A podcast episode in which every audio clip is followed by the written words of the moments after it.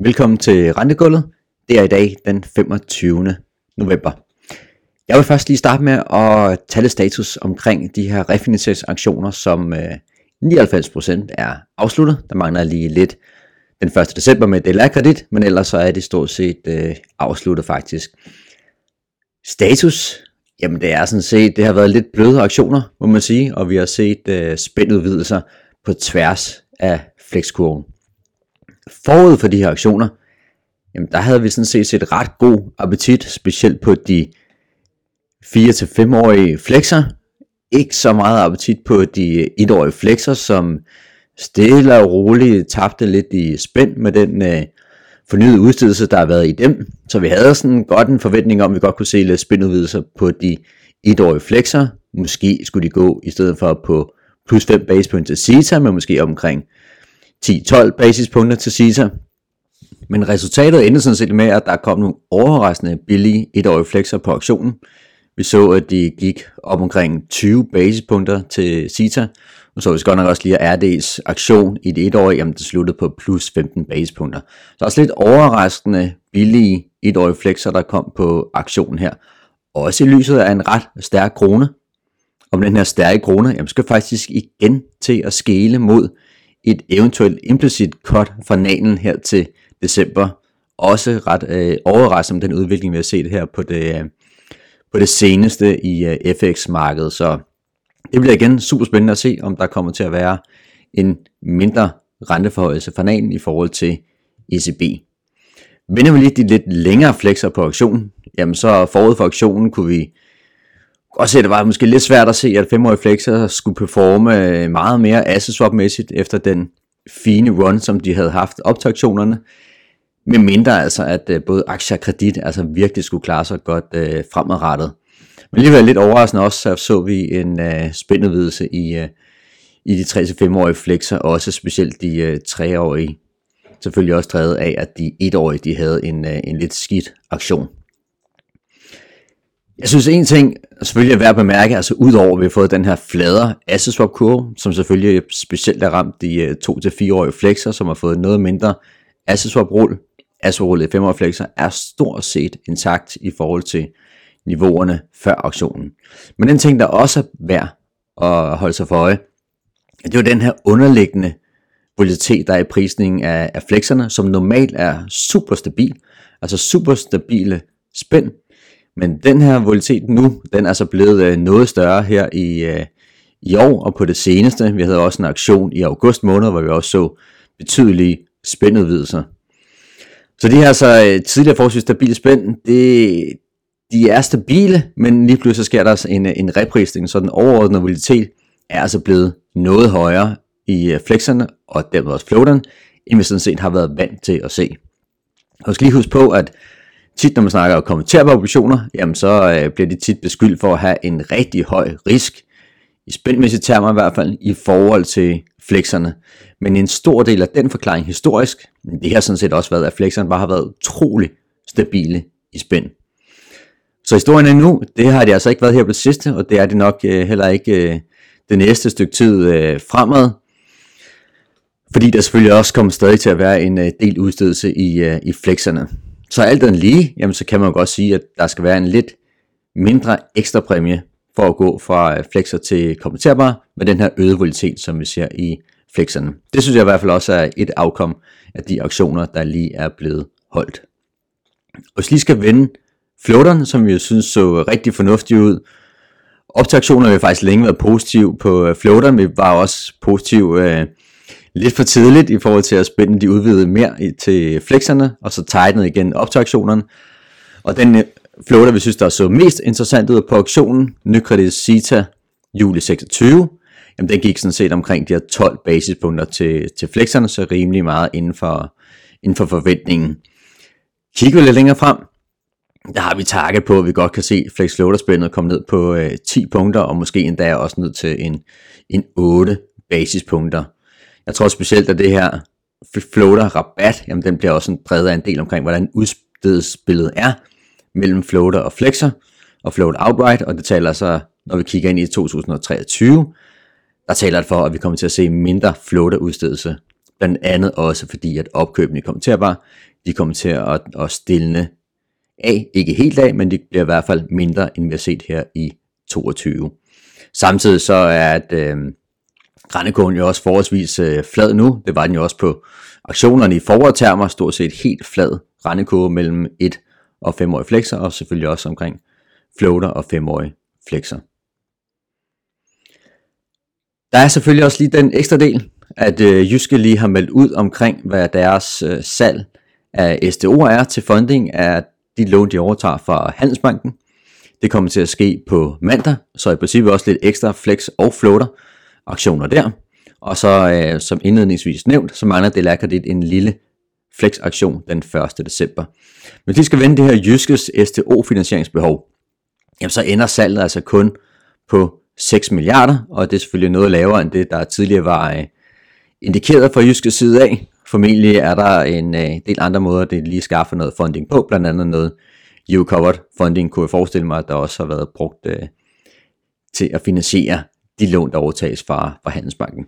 Men SDO-fundingen, ja, det bliver cirka kun halvt så stor i forhold til, hvad salget var af RO-obligationer for de her cirka 3 ugers tid siden.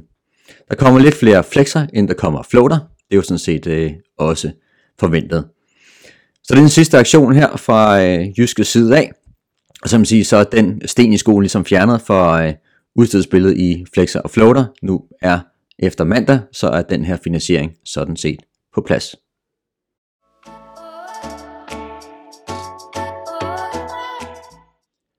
En anden ting, som jeg lige kunne tænke mig at bruge lidt tid på i øh, den her episode, det er at tale lidt omkring kommenterbare. Og først lige nævne, vi har jo en trade på at købe øh, 653, som vi synes så øh, positiv ud for øh, en øh, del uger siden. Og specielt i en nykreditserie, hvor øh, der er rigtig mange høj andel af de her mellemstore private lån, omkring 70% i, med sådan en størrelse mellem 1 til 3 millioner. Så selvfølgelig synes skulle mindske prepayment-risikoen i de her øh, 6 procenter, så fremt at 4 procenter skulle komme op i, i høj kurs. Nu har vi set en del uh, kursstigning i uh, de kommenterede obligationer. Ikke så meget i 6%'erne, heller ikke så meget i 5%'erne. Det virker stadig til, at markedet priser dem med stor frygt for, at der kan komme træk, og der kan komme forholdsvis øh, høje træk. Så det er simpelthen ikke fået lov til at stige så meget i kurs. Vi synes, det kunne have steget øh, noget mere, for at være, øh, for at være helt fair. Men det er ikke rigtig, øh, ikke rigtig sket, og skulle der ske yderligere rentefald, øh, så er der selvfølgelig risiko for, at 4% kommer op i kurs 100.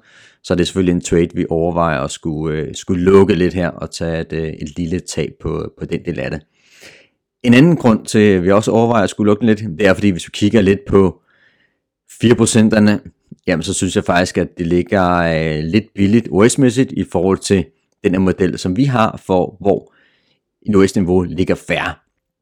Og lige skal komme lidt ind på den der model i hvert fald, jamen så er den selvfølgelig præget af, et, hvad gør renteniveauet, hvad gør volatilitetsniveauet, og hvad gør kreditspænd generelt. Og når kreditspænd, så kigger vi både på, på øh, kreditobligationer, men sådan set også på, øh, på euro-covered bonds. Og det vi har set på det seneste, jamen der er volatiliteten er fortsat faldet, kreditspænd er tightet yderligere, renteniveauet er også faldet lidt, så denne model vil tilsige, at US-niveauet i kommenterbare obligationer generelt skulle være faldende. Men det er ikke rigtig sket så meget på øh, 4%'erne, og det lys, der ser de altså øh, forholdsvis billige ud. Og skulle de tegne et spænd, jamen så presses kursen selvfølgelig op, og det kan jo så give anledning til, at der godt kan begynde at komme lidt træk i 6%'erne. Så det er også en årsag til, at vi overvejer at lukke den her øh, køb af 653, fordi vi synes 4%'erne er lidt billige. Når det er sagt, så er der selvfølgelig også stadig en ret stejl USK mellem 4% og 5% på 30 basispunkter. Så det det her jo er, jamen hvad så, hvis der begynder at komme udstedelse i 4% og stille og roligt, skal de så se en, øh, en lille reprisning få et stejlere spænd? Det må tiden sådan set et vise. Men overordnet set, altså synes vi 4% og 5%'erne faktisk ser, øh, ser meget fornuftige ud og skulle, øh, skulle ligge med PT med 6%'erne. Jamen der er virkelig meget outright renteafhængighed i, uh, i den her trade. Tror man på, at renterne skal lidt op igen, jamen så er det selvfølgelig et super fint papir at skulle, uh, at skulle ligge i. En ting, der måske også lige kunne, kunne nævnes lidt, jamen det er omkring øh, volatilitetsniveauet, som, øh, som sagt, så er det øh, faldet en, øh, en del. Det ligger selvfølgelig stadig højt i forhold til starten af 2022, og sågar også øh, sommeren 2022 her. Så vi skal se, at det her øh, pæne sentiment, det kommer til at fortsætte, og centralbanken måske skulle blive øh, mere forudsigelige.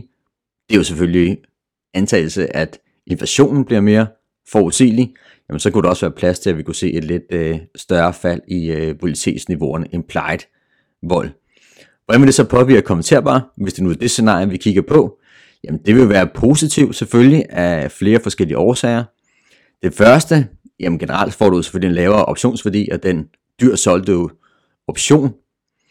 To, jamen så får du selvfølgelig også en, øh, at det ser lidt bedre ud at skulle holde obligationer med negativ konventitet, hvis det er, at man forventer, at rentevolatiliteten den bliver mindre. Så det er i hvert fald mindre skidt at have obligationer med negativ konventitet, end perioder med rigtig høj implied volatilitet.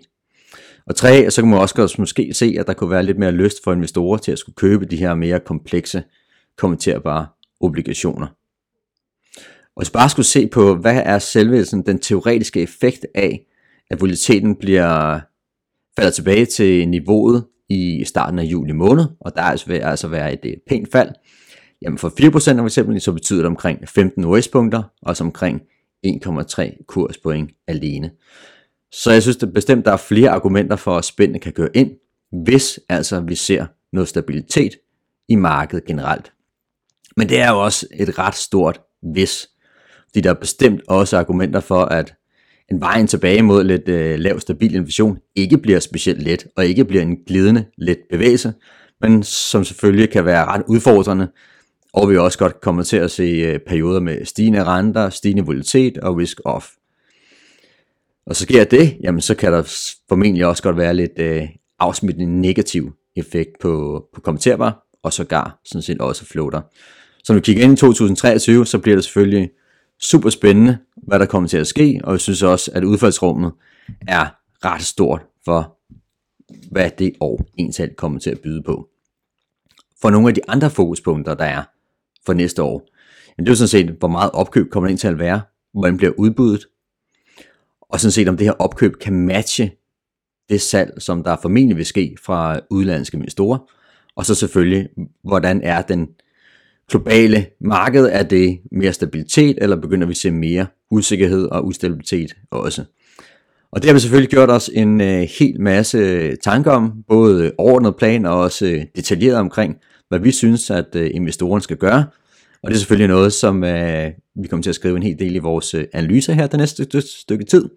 Og selvfølgelig også noget, som vi øh, glædeligt tager en mere dybtegående snak omkring. Men for at løfte sløret lidt for det, så synes jeg, at 4-5% kommentarproduktioner kunne være et ret fornuftigt bud at skulle have i sin øh, portefølje til øh, næste år også. Men det var alt for øh, den her episode. Ha' en rigtig god fredag og god weekend.